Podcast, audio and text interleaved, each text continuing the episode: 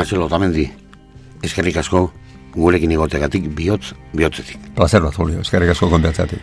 Marcelo, recientemente, después de 50, aproximadamente 50 años de lo que se denomina la democracia formal en el Estado español, por fin se puede utilizar el euskera, asimismo otras lenguas cooficiales como son el galego o el catalán, en el Parlamento español, de un modo legal, sin que haya incidencias ni incidentes.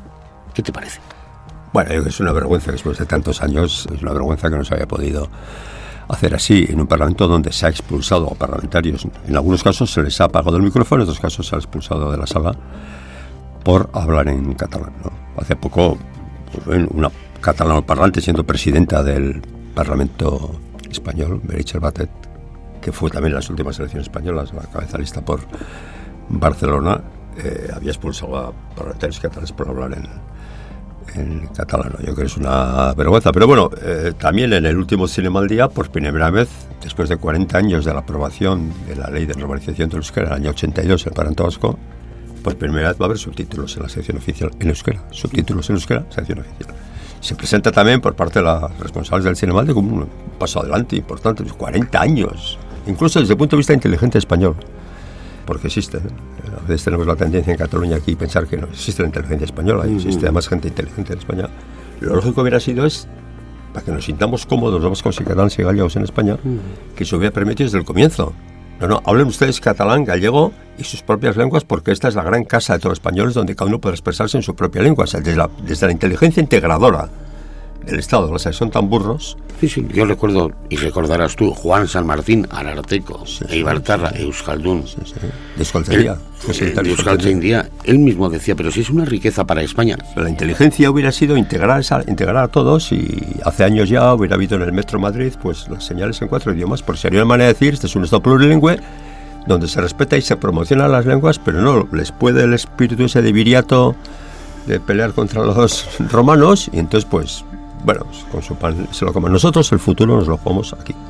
¿Y Francia? El futuro euskera nos ¿Y Francia, Marcelo? Francia siempre ha, es, un país muy centralista, muy, muy jacobino. Eh, yo creo que si los girondinos hubieran ganado la pelea de hace unos siglos con los jacobinos, seguramente hoy Francia sería un estado mucho más descentralizado de lo, de lo que es. Pero a Francia le, está, le costó mucho firmar la Carta de, las Lenguas Europeas y sigue manteniendo una situación muy marginal euskera. En Iparralde, de hecho, creo que no es ni siquiera cooficial. No, un alcalde, un alcalde de la zona de la Burdi, que, de la Burdi, que quiso promocionar euskera, puso unas señales bilingües eh, en una rotonda. Con la condición... No es un chiste. No, no, no, no, como pidiendo permiso para ponerlas, las, quería poner bilingües diciendo, bueno, si aumenta el número de accidentes después de que hayamos colocado las señales bilingües, en francés y euskera, quitaré las señales bilingües y las posaré a volveré a poner otras monolingües. Eso, eso es así. Y era un alcalde que quería hacerlo. Pero bueno, pero también se hay el debate este del uso del euskera en el Parlamento europeo. De los tres parlamentos de estos tres idiomas, catalán, gallego y el que más se habla su propia lengua es el gallego, casi el 100%, porque no está Vox y no, está, no, no ha existido nunca Ciudadanos allí. Y bueno, y porque el propio viejo también, desde siempre, el gallego. habla menos de lo que hablaba antes el, catalán, porque con la presencia de Ciudadanos en el 2006 y luego el PP también, que siempre habló catalán, se pasó más al castellano. Y de los tres, el que menos habla es el Parlamento Vasco. Por lo tanto, eh, está bien que se hable en Madrid, está bien que se hable en Bruselas y se hable en Júpiter, pero vamos a procurar hablarlo aquí también. Yo hago siempre una forma con el cumplió el Athletic 100 años, organizó un magnífico concierto del Rolling Stone en Samamés ah. y le pusieron a Mick Jagger allí una especie de pancarta en el, escenario donde ponía suecos o jatos razarete. Él lo dijo en euskera, Mick Jagger, aquel concierto en Samamés, en el mítico Samamés, 100 años del Athletic. Entonces dije yo, mira, Mick Jagger una sola tarde habla más euskera que muchos parlamentarios del Parlamento Vasco en toda su vida. Bueno, así dejándolo, a hacer amigos hoy, dejándolo caer ya, me imagino, como decían en Vaya Semanita, esto por comentarlo, que ni me va ni me viene, pero por, por, por comentarlo. Marcelo, la tuya es una vida dedicada prácticamente a full, full time, a promocionar, a impulsar, a defender los derechos lingüísticos de este país, en concreto los derechos del euskera. Y yo recuerdo que cuando yo te conocí, estabas ya en Euskal Televista, pero venías de ser profesor de Euskaltegui Municipal en Tolosa precisamente de euskera. Así es, y estando yo en el Euskaltegui Municipal, eh, me llamó Andoni Aramburu, siempre estaré agradecido que me llamara, porque si no, mi vida no hubiera ido por el mundo de la comunicación, y me ofreció trabajar en ETV, y bueno, y nos conocimos tú y yo, y me acuerdo que mm. trabajamos en el mismo grupo en ETV, en el, sí, sí, yo me, el 305. Del departamento 305. Explica a la gente lo no, que es el, Explícales tú, por favor, que era esos periodistas, esos presentadores que entre programa y programa anunciaban la programación. Se anunciaba la programación a lo largo del día. Es como si ahora en Euskal Televista apareciera pues un locutor, una locutora de continuidad y a las 4 de la tarde dijera, bueno, eta orain hau ikusita gero, ikusiko dugu film bat, eta film en ondoren egongo da bat, que ya no hay eztabaida que no te pero egongo da bat, eta gero eh, ikusiko dugu fútbol partido, ¿no? Entonces, y luego cuando termina el fútbol partido decía, bueno, eta orain etorriko da, otra vez salía, eta una racha aldeo, bai, eta orain ikusiko dugu eh, gaur egun, eta gaur egun ondoren, ikusiko dugu telesail bateko ez dakitzen bagarren. Y Esos eran los locutores y locutoras de continuidad. de continuidad. Para que sepan nuestros oyentes, el jefe de ese departamento era Marcelo Otamendi y yo era uno de los locutores de continuidad. Ahí empieza un poco el contacto directo de Marcelo Otamendi con los medios de comunicación. ¿De acuerdo? Sí. En aquella época, ETV2 estaba empezando a salir del, del, del, cascarón, porque además, si no me equivoco, fue, fue por hechos, por hechos consumados, eso es alegal. Sí, sí.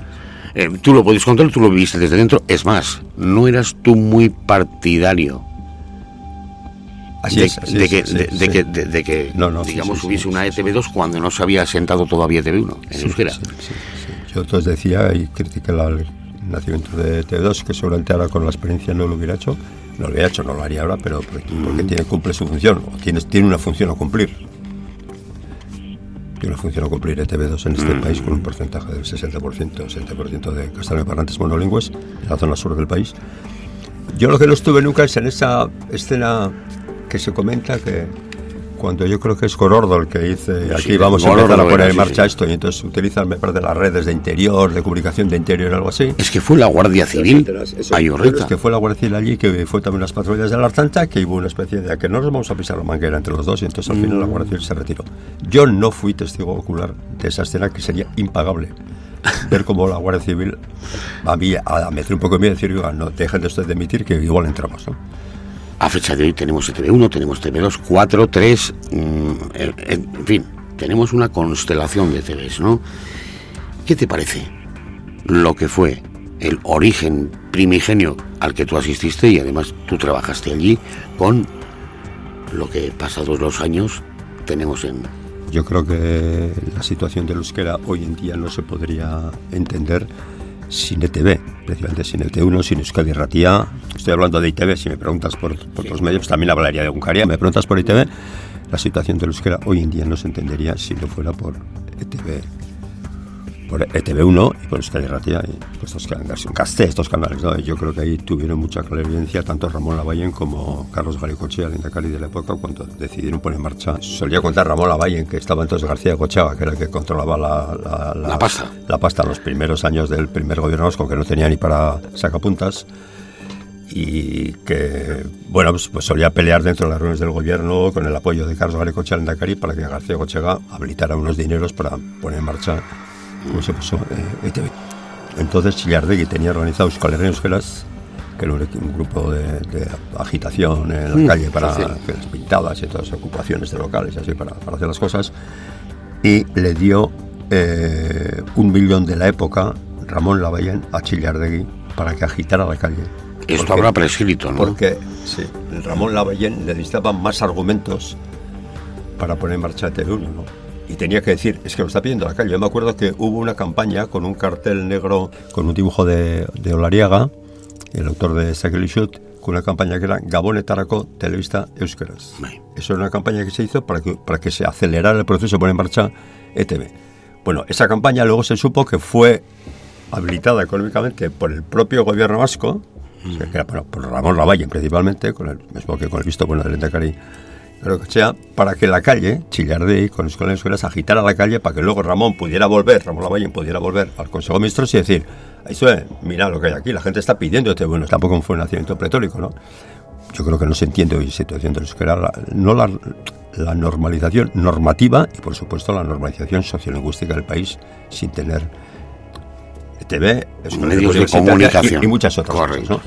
Y yo creo que tiene una función, bueno, se podría haber debatido durante estos, estos últimos años, o estos años, TV2 ha cumplido esa función que tenía que cumplir también acompañando a TV1 y acompañando a Euskera, si ha funcionado o no como un canal dentro de un canal que tenía una función clara, que era habilitador, llevar al mundo del euskera y al conocimiento del mundo del euskera, de la cultura escaldún, a ese porcentaje importante de la población que ha vivido muy ajeno y en muchos casos muy de espaldas, voluntaria o involuntariamente, la situación de la realidad de Euskaldun, ahí se podría debatir, para mí no me toca hacerlo, si eso se ha cumplido, en qué medida se ha cumplido y si está cumpliendo o no. De ahí pasa poco tiempo, director del primer periódico en euskera de Euskal Herria, Egunkaria. Eso fue un hito. Yo no estuve en el, en el grupo tractor de fundador de Uncaría, pero sí me tocó por ser la zona de Todos Aldea, pues con otra gente, organizar toda la campaña de apoyo a, a Euskaldun de Uncaría, ¿no? Esos, aquellos años, esos años 89, 90, la campaña del 90, ¿no? Bueno, fue pues un hito muy parecido al de... Yo siempre digo, los hitos han sido en este país del mundo de euskera fueron, aparte de Euskaltzendia en 1929, fueron las Icastolas, luego es EITB, el caso concreto de TV Bat y Euskadi ya existían ya Arguía y por supuesto con todo el reconocimiento a los que ya existían ya, pero los grandes impulsos se dan ahí y luego se da con Euskaldun Euncaria, porque lo, que se dio, lo que nos dimos cuenta es que le faltaba a la mesa de comunicación Euskaldun, le faltaba la pata del diario. Los intelectuales del país, yo no estoy en eso, a mí no tengo que estar ahí, pero luego estando trabajando en ETV con Ramón Barea y toda esta gente haciendo una serie y pasando muy bien haciendo guiones, pues me llaman para, para una comida en la que yo me esperaba todo, menos la, propuesta. Y lo último que me esperaba era que me dijeran la oferta del director del diario, les pido 10 días de que me, que me den 10 días de plazo. Para reflexionar, lo que fue. Y el segundo día les digo que sí. Yo me acuerdo, Marcelo, que siempre me decías, porque eh, siempre, además siempre me decías, es un reto enorme, pero es un honor. Sí, claro, Para mí es un honor, un honor que luego ya hablaremos te haría pasar las canutas, no, lo no, siento. Un peaje. enorme, pero que por cómo eres tú y por cómo te conozco, sé que ese precio y además para ti fui, lo de menos. fui director becario, porque yo venía de la tele, yo ya venía, pero claro, venía a hacer magazines, ¿no? Que es una cosa que he dicho en todo el cariño y todo el respeto, pero yo lo hacía, y además estoy muy contento de haberlo hecho, y nos premiaron con los premios Arguía, pues que no, no, tiene la trascendencia esa de un titular que tiene un informativo en ETV, en la radio, o en, o en Uncaría y en Berría, donde se te puede cabrar medio mundo por un titular, o porque has tratado esto, no has tratado lo otro. Entonces, claro, yo de repente me meto en la vorágine de un diario. Eh, que Referente, además, el único. que tiene esa responsabilidad, y entonces me pasé un año de director becario. me impuse a mí mismo una estancia de un año en el que no hablé mucho. Mira que ya tiene mérito tenerme a mí callado. ¿eh? Me pasé un año en el que no hablé mucho. Y a partir del año ya empecé a mandar un poco los popes de la prensa Euskaldun en escrita como Manuel Muro, y Xavier Lecona, y Pello Urchelay, y Lorea Aguirre, y mucha, mucha gente que eran los popes de, la prensa. Entonces yo delante de aquellos popes lo que tengo que hacer es un ejercicio de humildad. Pero ese año de becario lo aprovechaste y lo aprovechaste bien. Yo recuerdo esto como detalle y pasamos página. Yo me acuerdo de Carlos Iturgaiz, que iba al y aprender, iba siempre con Eguncaria debajo del brazo, que era una cosa que cuidado, igual le echan del partido, no lo sé. Bueno, dicho este apunte, no puedo olvidar tampoco que en tan poco tiempo un periódico tan pequeño, tan Bass Country, cuéntame por favor, o recuérdame lo del premio 11S, la portada de Uncaría. Sí, bueno, más que un premio es una... Un reconoce... ¿Cómo fue aquello? Es una, foto que no es nuestra, porque es de agencia eh, de, las, de los ataques a, las Torres Gemelas en el, sur de Manhattan. Nosotros aquella noche recibimos un, un, email de una asociación de prensa americana donde nos pedía que les aportáramos el PDF de la portada del día 12, ¿no? el que daba la noticia de los ataques a las Torres Gemelas. Hubo más ataques también en el Pentágono y lo mandamos sin más, ¿no? Y luego al rato recibo yo, envuelto así en un tubo, un póster enviado por los trabajadores de CAF en Estados Unidos, en, no sé, en Washington, el estado de Washington. Un póster con 25 portadas de diarios de todo el mundo. Yo lo vi, me acuerdo. 25 portadas en la que la cruceta de arriba está la portada de, Hungría. ¿no? Y luego, por ejemplo, no hay ningún periódico en español, ni, es, ni de España ni sudamericano. Y están los popes de la prensa mundial. Están de Washington Post, de New York Times, de Boston Globe, Chicago Tribune, está The Times, está Le Monde y está siempre Le Monde y esto está el último de los 25, digo, nosotros estamos el tercero arriba, ¿no? y digo ya a mis compañeros y compañeras, esto nos gastamos 5 millones de dólares y no lo conseguimos. O sea, hablas con un gabinete, y consígueme entrar ahí y no lo consigues, ¿no? Con todo ese reconocimiento, o sea, con toda esa labor profesional y demás, una cabecera reconocida a nivel internacional y demás, pasa poquito tiempo, hay una operación político-policial, digamos, se cierra el periódico, se detiene por supuesto, al director de Hungaria, Marcelo Otamendi, por parte de la Guardia Civil, aquello parecía, pues no sé, pues que, que era el asalto a... Un no sé, brutal, brutal, y con un trasfondo mediático inmenso, todo tipo de calumnias, difamaciones, humillaciones y demás. Eso supuso un antes y un después, de hecho nunca más ha vuelto a ver.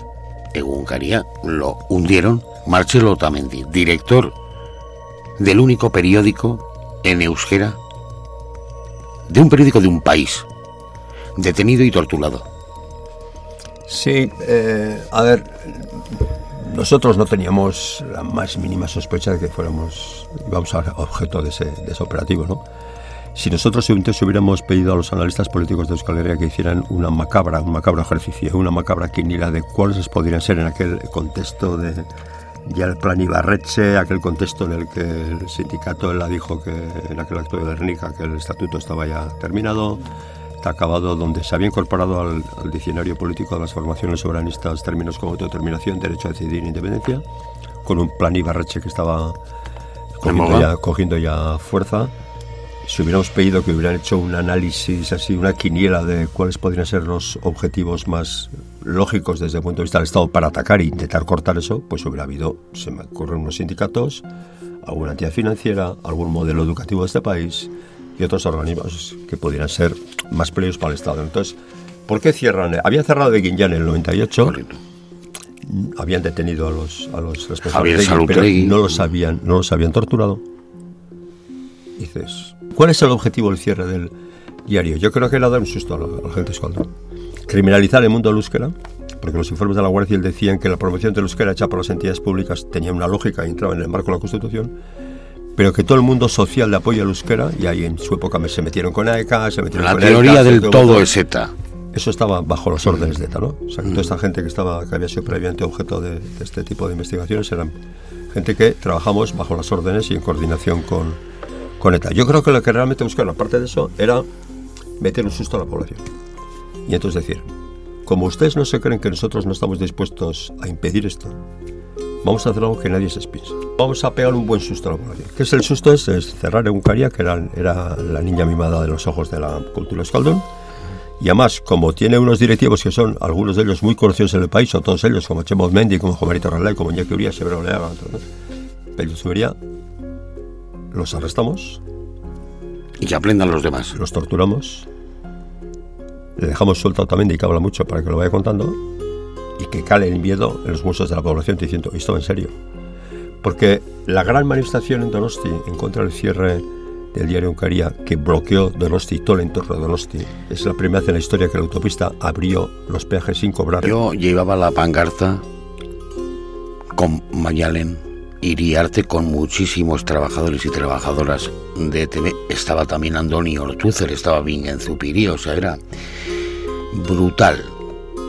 La presencia de gente, yo poquitas veces, y mira que en este país ha habido manifestaciones, poquitas veces he visto. Es la mayor que ha habido nunca, la mayor que ha habido nunca en Donostia, no la había habido en Euskal Herria, porque la de Miguel, Ángel Blanco en, un sábado la mañana en Bilbao fue, fue, mayor, la mayor que ha habido nunca en Donostia.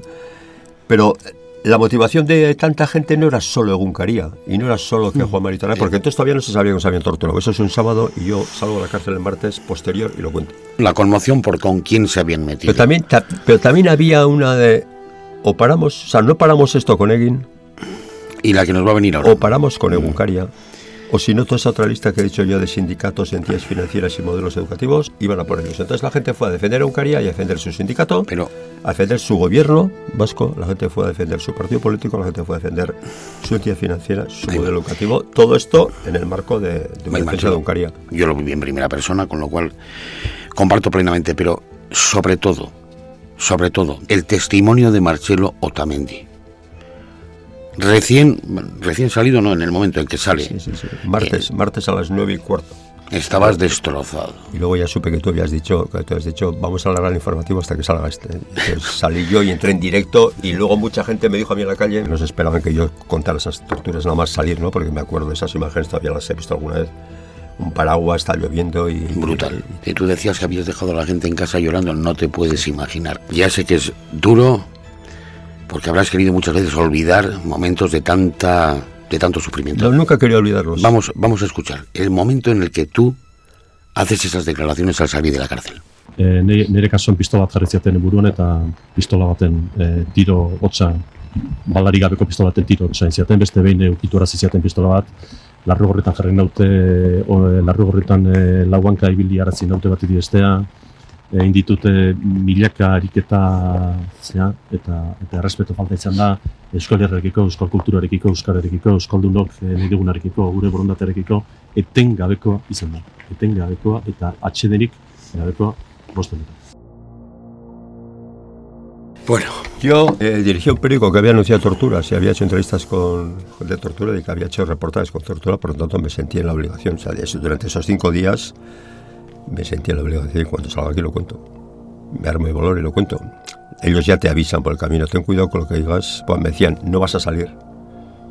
Era antes de Carlos de Tolosa. Me dijeron, no vas a salir porque vas a ir a la cárcel. Eso con una capucha en la cabeza y ellos detrás a los que no veías y además gritando de una manera muy poco amable y agradable. Pero si por casualidad el juez te deja en la calle, nosotros estaremos encargados de Tolosa y no los verás porque iremos disfrazados. Y me dijeron, y cuidado con lo que cuentas al salir de aquí. Esa amenaza es clara. Yo dije, yo me armé valor, lo voy a contar. Y lo conté inmediatamente. Y bueno, tuvo el efecto que tuvo, además con el, la inocente previsión por mi parte, decir, bueno, yo seré, el, ya después de esta que la que hemos leído con esta, seré el, el último torturador de este país, 2003.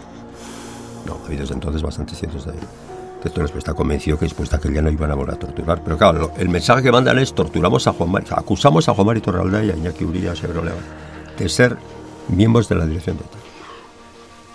Y entonces yo creo que el objetivo, como decía antes, es eso, es meter miedo al cuerpo a la gente y decir, oye, vamos a parar cualquier proceso soberanista de este país porque este es el precio. Si esto le hacen a un director de periódico, a Marcelo también, lo dicho a Torrealde y demás, ¿qué no le harán veces, al, veces lo dicho.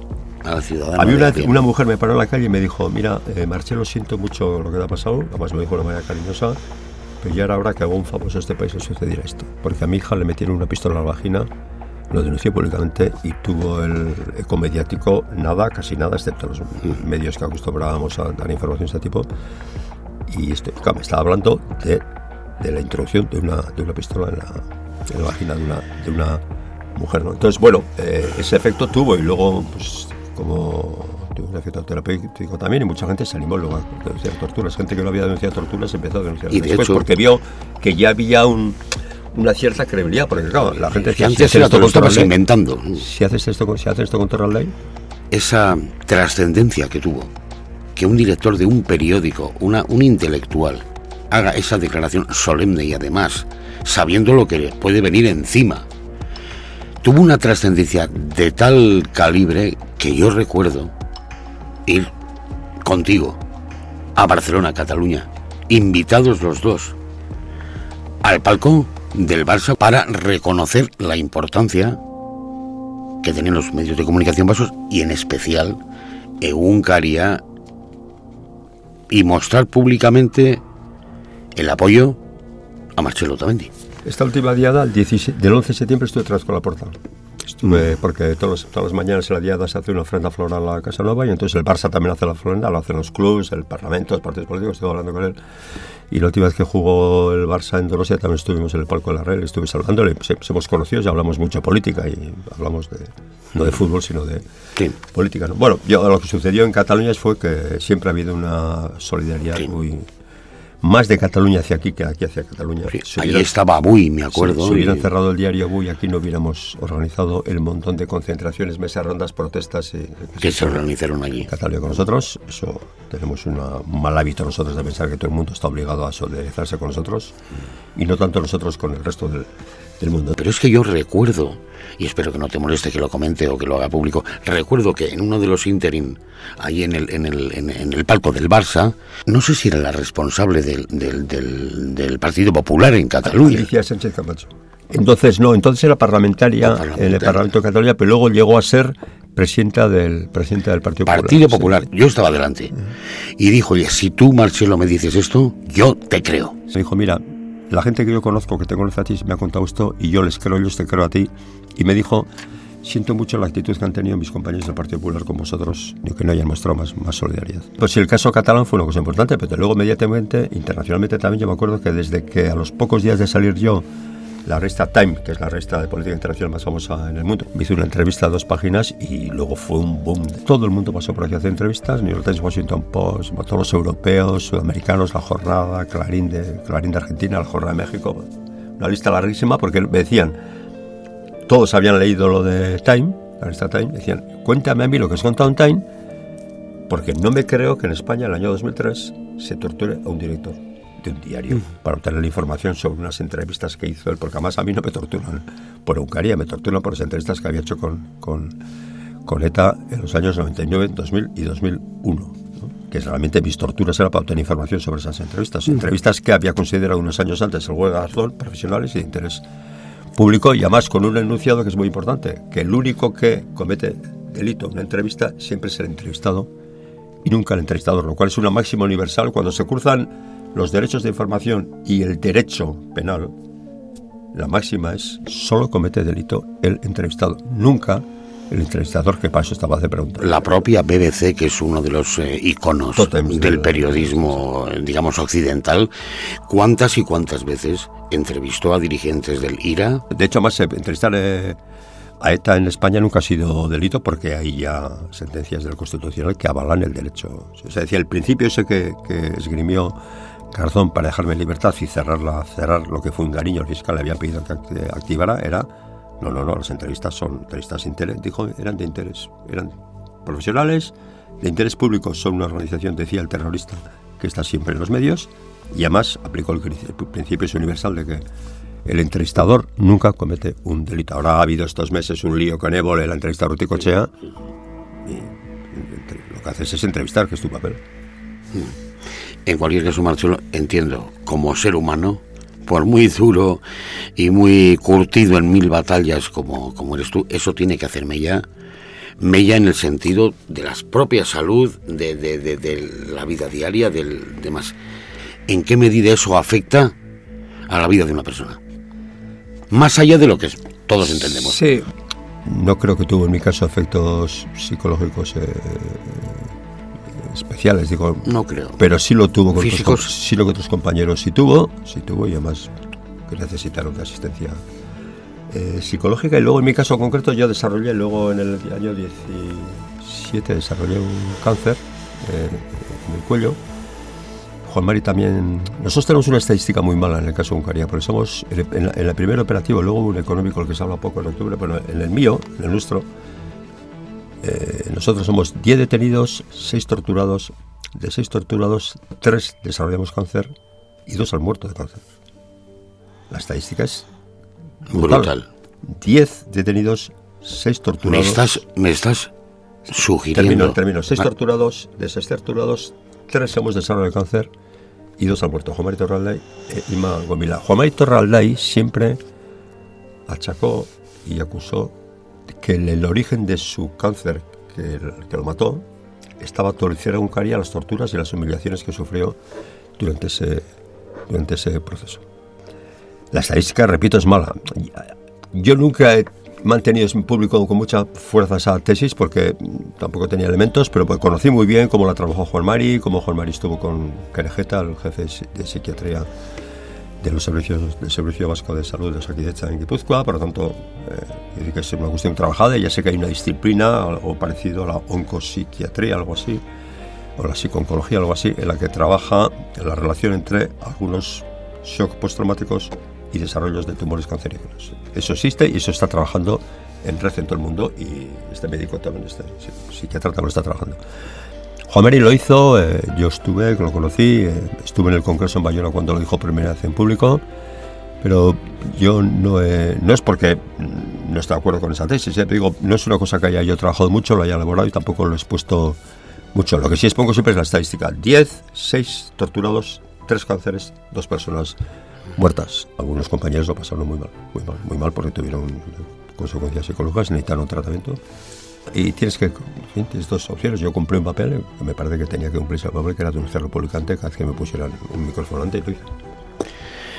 Pues eh, es que mejor que tú no lo sabe nadie. Es un honor, un placer poder entrevistar a quien fue mi primer jefe, mi maestro.